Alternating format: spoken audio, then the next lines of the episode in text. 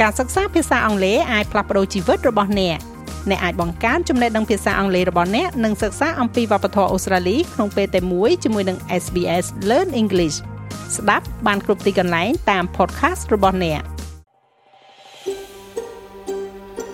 លោកអ្នកនៅជាមួយ SBS ខ្មែរស្វែងរកដឹងដៅអស្ចារ្យជាច្រើនទៀតនៅលើ SBS.com.au/ ខ្មែរ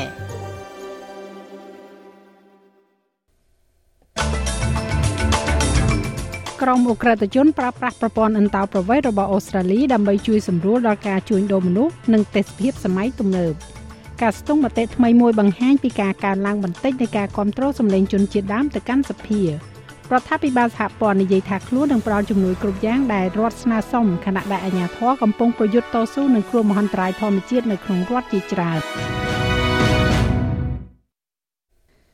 ការពិនិត្យសាររើឡើងវិញទៅលើប្រព័ន្ធអន្តោប្រវេសន៍របស់ប្រទេសអូស្ត្រាលីបានរកឃើញថាក្រុមអ ுக ្រិតជនកំពុងតែប្រើប្រាស់ប្រព័ន្ធនេះដើម្បីជួយសម្រួលដល់ការជួញដូរមនុស្សភាពជាទាសករសម័យទំនើបការងារផ្លូវភេទខុសច្បាប់ ការនាំចូលគ្រឿងញៀនខុសច្បាប់និងការលាងលុយកខ្វក់ គេក៏បានរកឃើញផងដែរថាពលករចំណាក់ស្រុកបណ្ដោះអាសន្នមានហានិភ័យខ្ពស់នៅការរងការរំលោភបំពាននិងកេងប្រវ័ញ្ចពីនយោជករបស់ពួកគេ វាស្ទើរតែជាការរចនាលក្ខណៈពិសេសនៃប្រព័ន្ធអន្តោប្រវេសន៍ខណៈដែលតួអង្គអាក្រក់ត្រូវបានលើកទឹកចិត្តឲ្យដាក់ពាក្យសុំទៅតការការពារខ្លួនមិនពិតប្រាកដដែលមានចំនួនកើនឡើងដោយសារតែការពន្យាពេលនៃដំណើរការទៅតការរដ្ឋមន្ត្រីក្រសួងមហាផ្ទៃលោកស្រី Claire O'Neil មានប្រសាសន៍ថា រដ្ឋាភិបាលបានទទួលរបាយការណ៍ Nixon នេះនៅក្នុងខែមីនាប៉ុន្តែបានជ្រើសរើសមិនចែកចាយវារហូតដល់ពួកគេអាចឆ្លើយតបទៅនឹងការរកឃើញនេះ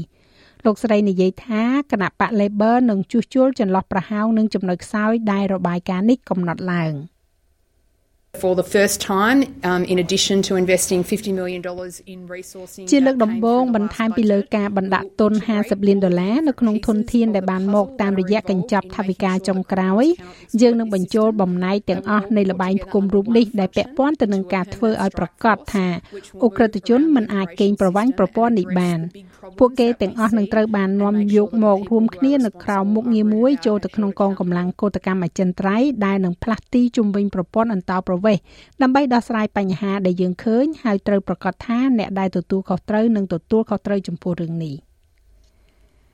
ការគ្រប់គ្រងសម្រាប់ការបោះឆ្នោត Yes នៅក្នុងការបោះឆ្នោតប្រជាមតិសម្លេងជនជាតិដើមភាគតិចទៅកាន់សភាបានកើនឡើងខ្ពស់ជាងមុនបន្តិចជាលើកដំបូងនៅក្នុងរយៈពេលជាច្រើនខែមកនេះ។ ការស្ទង់មតិចុងក្រោយបង្អស់របស់ Guardian Essential បានរកឃើញថា43%នៃអ្នកឆ្លើយតបចំនួន1125នាក់នឹងបោះឆ្នោតគ្រប់គ្រង The Voice ដែលកើនឡើង2%ធៀបទៅនឹង2សប្តាហ៍មុន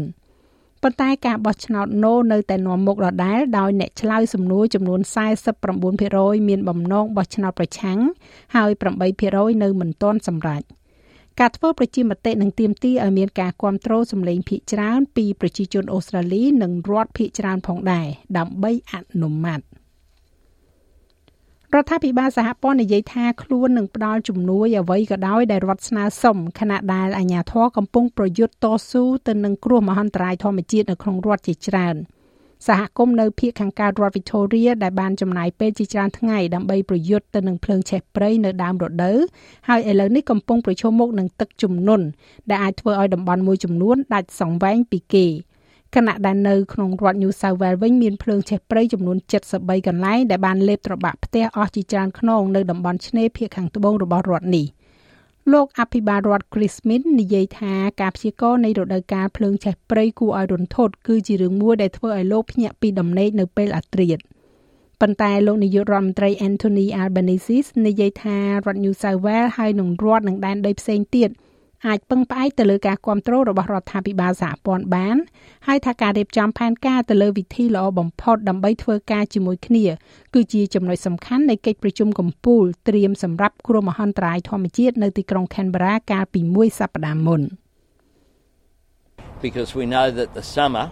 uh, that we're anticipating and indeed ដោយសារតែយើងដឹងថារដូវក្តៅដែលយើងកំពុងទន្ទឹងរង់ចាំហើយការពិតដែលថាវាលេចចេញមកហើយសម្រាប់ពួកយើងនៅក្នុងពេលនេះបើទោះបីវាទៅតែជាខែតុលាក៏ដោយវានឹងបង្ហាញពីបញ្ហាប្រឈមពិតប្រាកដមួយចំនួន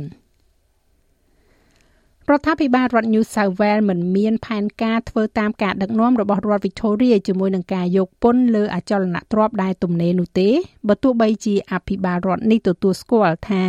អ្នកស្រុកប្រឈមមុខទៅនឹងវិបត្តិលំនៅឋានដែលមិនធ្លាប់មានពីមុនមកក៏ដោយលោកអភិបាលរដ្ឋ Chris Min បានមានប្រសាសន៍ថា រដ្ឋាភិបាលរបស់លោកផ្ដោតទៅលើការនាំយកការផ្គត់ផ្គង់កាន់តែច្រើនចូលទៅក្នុងទីផ្សារលំនៅឋាន ដែលវាជាដំណោះស្រាយដ៏ល្អបំផុតចំពោះកង្វះខាត ដែលកំពុងតែវាយលុកមនុស្សគ្រប់គ្នារាប់ចាប់តាំងពីអ្នកដែលគ្មានផ្ទះសម្បែងរស់នៅរហូតដល់អ្នកជួលនិងអ្នកទិញផ្ទះ។ We've made many changes in relation to housing in New South Wales everything from យើងបានធ្វើការផ្លាស់ប្ដូរជាច្រើនតាក់ទងទៅនឹងលំនៅឋាននៅរដ្ឋ New South Wales អ្វីអ្វីគ្រប់យ៉ាងរាប់ចាប់ពីការស្នាក់នៅរយៈពេលខ្លីនៅលើឆ្នេរ New South Wales North Coast សាងសង់ដើម្បីជួលនៅ New South Wales North Coast និង South Coast រហូតដល់ការកែប្រែផែនការនិងបទបញ្ញត្តិសម្រាប់ការអភិវឌ្ឍទីក្រុងក៏ដូចជាការតស៊ូមតិដ៏រឹងមាំសម្រាប់ដង់ស៊ីតេកាន់តែចង្អៀតនៅតំបន់ CBD ហើយដោយដែលលោកនាយករដ្ឋមន្ត្រីបានលើកឡើងយើងយើងបានបង្កើនចំនួន លំនៅឋានរដ្ឋនិងលំនៅឋានដែលមានតម្លៃសមរម្យទ្វេដងសម្រាប់ Waterloo សម្រាប់ Waterloo South ដែលយើងអាចរំពឹងថានឹងមានច្រើនជាងនេះនៅពេលខាងមុខ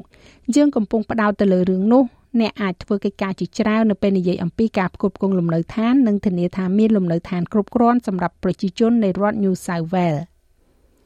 ខណៈពេលដែលវិបត្តិលំនៅឋានកាលពីមុនត្រូវបានកំណត់លក្ខណៈដោយប្រជាជនសួរថាតើពួកគេអាចមានលទ្ធភាពទិញអចលនទ្រព្យដែរឬទេលោក Mins និយាយថាឥឡូវនេះប្រជាជនកំពុងតែចោទសួរថាតើពួកគេអាចមានលទ្ធភាពជួលដែរឬទេ ដែលជាស្ថានភាពដែលលោកបានពិពណ៌នាថាមិនអាចថាមិនអើពើបាននោះទេអតីតអគ្គមេធាវីរបស់រដ្ឋ Tasmania បានប្រកាសថាលោកស្រីនឹងឈប់ធ្វើនយោបាយគឺជាការបញ្ចប់ភាព ជាប់គាំងដែលអាចបង្ខំឲ្យមានការបោះឆ្នោតមុនកាលកំណត់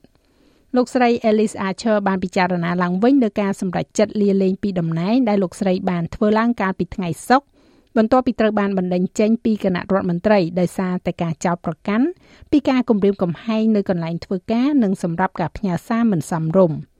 វាកាលឡើងបន្ទាប់ពីអភិបាលរដ្ឋ Tasmania លោក Jeremy Rockliff បានផ្ដល់ឱសានវាតដល់លោកស្រី Archer ដោយនិយាយថានឹងមានការអំពាវនាវឲ្យមានការបោះឆ្នោតមួយកាលឡើងប្រសិនបើលោកស្រីមិនចាក់ចែងពីសភាឬក៏ធានាបាននូវការបោះឆ្នោតលើទំនុកចិត្តលើការដឹកនាំរបស់លោកស្រីនៅថ្ងៃច័ន្ទទី9តុលាខាងមុខនេះលោកស្រី Archer បានចេញសេចក្តីថ្លែងការណ៍មួយដោយនិយាយថាលោកស្រីនឹងជូនដំណឹងដល់ទេសាភិបាលនៃការសម្រេចចិត្តលាលែងចេញពីតំណែងរបស់លោកស្រីនេះ។ នៅឯសហរដ្ឋអាមេរិកឯណោះវិញប៉ូលីសនិយាយថាមនុស្សជាច្រើនអ្នកត្រូវបានបាញ់នៅសាកលវិទ្យាល័យ Morgan State University ក្នុងទីក្រុង Baltimore សហរដ្ឋអាមេរិកនាយកដ្ឋានប៉ូលីស Baltimore និយាយថាមន្ត្រីបានស្ថិតនៅកន្លែងកើតហេតុកាលពីថ្ងៃអង្គារចំពេលមានស្ថានភាពអ្នកបាញ់ប្រហារសកម្មនៅលើបរិវេណសាលាពណ៌ខ្មៅជាប្រវត្តិសាស្ត្រនេះ។ នាយកដ្ឋានប៉ូលីសបានស្នើឲ្យប្រជាពលរដ្ឋជ្រកកោននៅនឹងកន្លែងនិងជៀសវាងតំបន់នោះអ្នកនាំពាក្យប៉ូលីសលោក Vernon Davis បានប្រាប់កាសែត Baltimore Banner ថាយ៉ាងហោចណាស់មនុស្ស4នាក់ត្រូវបានបាញ់ស្ថានភាពរបស់ពួកគេភ្លាមភ្លាមនោះមិនត្រូវបានគេដឹងឡើយមួយទៀតនោះគឺសភាតំណាងរាស្ត្រសហរដ្ឋអាមេរិកបានបោះឆ្នោតទម្លាក់ប្រធានសភាលោក Kevin McCarthy បន្ទាប់ពីជជែកដេញដោលគ្នាលើសំណើដកតំណែងរបស់លោក McCarthy សភាអាមេរិកបានបោះឆ្នោតគាំទ្រ216សម្លេងទល់នឹងការប្រឆាំង210សម្លេងការបោះឆ្នោតដែលផ្ដួចផ្ដើមឡើងដោយអ្នកតំណាងគណៈបកសាធារណរដ្ឋស្ដាមនិយមគឺលោក Matt Gaetz នេះត្រូវបានគ្រប់គ្រងដោយអ្នកប្រជាធិបតេយ្យទាំង208នាក់ដែលមានវត្តមានរួមជាមួយនឹងគណៈបកសាធារណរដ្ឋចំនួន8នាក់ នៅខាងក្រៅសភាបន្ទាប់ពីការបោះឆ្នោតលោក Gates បានបង្ហាញមោទនភាពចំពោះសកម្មភាពរបស់ខ្លួនយ៉ាងដូចនេះថា It's the benefit of this country that we have a better speaker of the house than Kevin McCarthy. វាគឺជាអត្ថប្រយោជន៍របស់ប្រទេសនេះដែលយើងមានប្រធានសភាល្អជាងលោក Kevin McCarthy លោក Kevin McCarthy មិនអាចរក្សាពាក្យសន្យារបស់គាត់បានទេ គាត់បានធ្វើកិច្ចព្រមព្រៀងមួយកាលពីខែមករាតាក់ទងទៅនឹងវិធីដែលរដ្ឋាភិបាល Washington នឹងធ្វើការហើយគាត់បានបំពេញកិច្ចព្រមព្រៀងនោះយើងជំពាក់បំណុល33,000លានដុល្លារយើងកំពុងប្រឈមមុខទៅនឹងអនុភាពប្រចាំឆ្នាំ2.2 trillion ដុល្លារយើងប្រឈមមុខទៅនឹងការដកប្រាក់ដុល្លារជាសកលដែលនឹងកំទេចជនជាតិអាមេរិកដែលជាវណ្ណៈកម្មករអាមេរិកលោក Kevin McCarthy គឺជាដីភក់ ការបោះឆ្នោតនេះគឺជាការបោះឆ្នោតលើកដំបូងនៅក្នុងប្រវត្តិសាស្ត្រសហរដ្ឋអាមេរិកដែលប្រធានសភាត្រូវបានសភាដកចេញបន្ទាប់ពីមានញត្តិទាមទារឲ្យដកតំណែងយើងក៏លេខទៅមើលក្នុងប្រទេសកម្ពុជាវិញកាលពីម្សិលមិញលោកនាយករដ្ឋមន្ត្រីហ៊ុនម៉ាណែតបានប្រកាសថានៅខែក្រោយនេះលោកនឹងជួបជាមួយនឹងវិស័យឯកជនដើម្បីពិភាក្សាគ្នាលើបញ្ហាប្រឈមនិងកង្វល់របស់វិស័យឯកជន ជាពិសេសការពិភាក្សានិងដោះស្រាយលើបញ្ហាពន្ធដារ លោកក៏បានប្រកាសបញ្ជាក់ប្រាប់ប្រជាពលរដ្ឋផងដែរថារាជរដ្ឋាភិបាលនៅក្នុងអាណត្តិថ្មីនេះមិនមានដាក់ពន្ធថ្មីដាក់ឲ្យប្រជាពលរដ្ឋទេមិនមានការបង្កើតពន្ធថ្មីនោះឡើយទីមួយយើងនឹងមិនតមមិនយកពន្ធទៅលើដីកសិកម្មដីស្រែជាលក្ខណៈគ្រួសាររបស់ប្រជាពលរដ្ឋទេទីពីរយើងមិនយកពន្ធនៅសម្ភារៈកសិកម្មទេ ទី3យើងមិនយកពន្ធទៅលើកសិកម្មកសិផលកសិកម្មទេ យើងមិនយកពន្ធអចលនទ្រព្យ តម្លៃថោកជាង100លានរៀលឬ25000នោះទេចឹងបងប្អូនទិញផ្ទះថោកជាងនឹងមិនយកជាប់ពន្ធទេហើយពន្ធប្រថាប់ត្រាបើមានការទិញលក់អចលនទ្រព្យក្រោម70000ដុល្លារមិនយកពន្ធទេអានេះយើងបន្តមិនយកទេចាស់លោកមេងផាឡានឹងជួនសេចក្តីរាយការណ៍លម្អិតនៅវគ្គក្រោយបន្តទៀតឬលោកអ្នកអាចចូលស្ដាប់របាយការណ៍ពេញនៅលើគេហទំព័រ sps.com.au/ ខ្មែរ នៅក្នុងវិស័យកីឡាវាយកូនបាល់ Tennis កីឡាករអូស្ត្រាលី Mark Polman ត្រូវបានដកសិទ្ធិពីការប្រកួត ATP Tour 1000 Shanghai Masters បន្ទាប់ពីបានវាយអាញាកណ្ដាលដោយគ្រាប់បាល់នៅក្នុងអំឡុងពេលការប្រកួតជម្រុះរបស់ខ្លួន Polman បានបញ្ជូនបាល់ទៅកាន់មុខមន្ត្រីអង់គ្លេសលោក Ben Anderson បន្ទាប់ពីខឹងសម្បាចំពោះការធ្វើមិនបានល្អនៅក្នុងការប្រកួតតង់ទី2ក្នុងរយៈពេល2ម៉ោងនិង34នាទីជាមួយនឹងកីឡាករអ៊ីតាលី Stefano Napolitano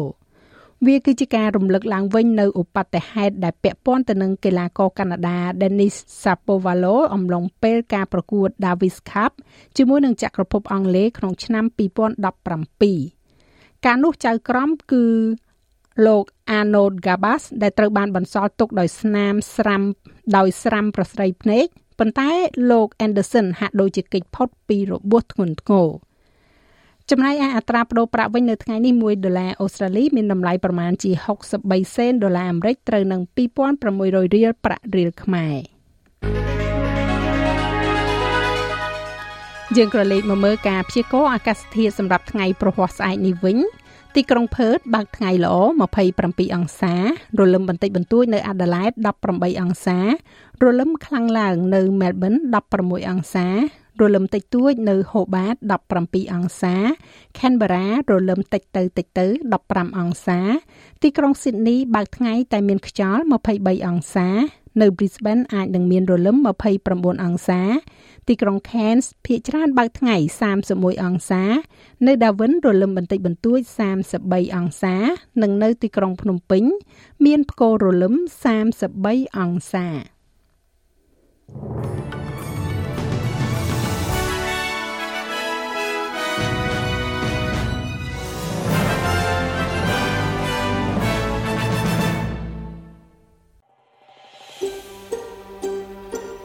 ង់ស្ដាប់រឿងក្រៅបែបនេះបន្ថែមទៀតទេ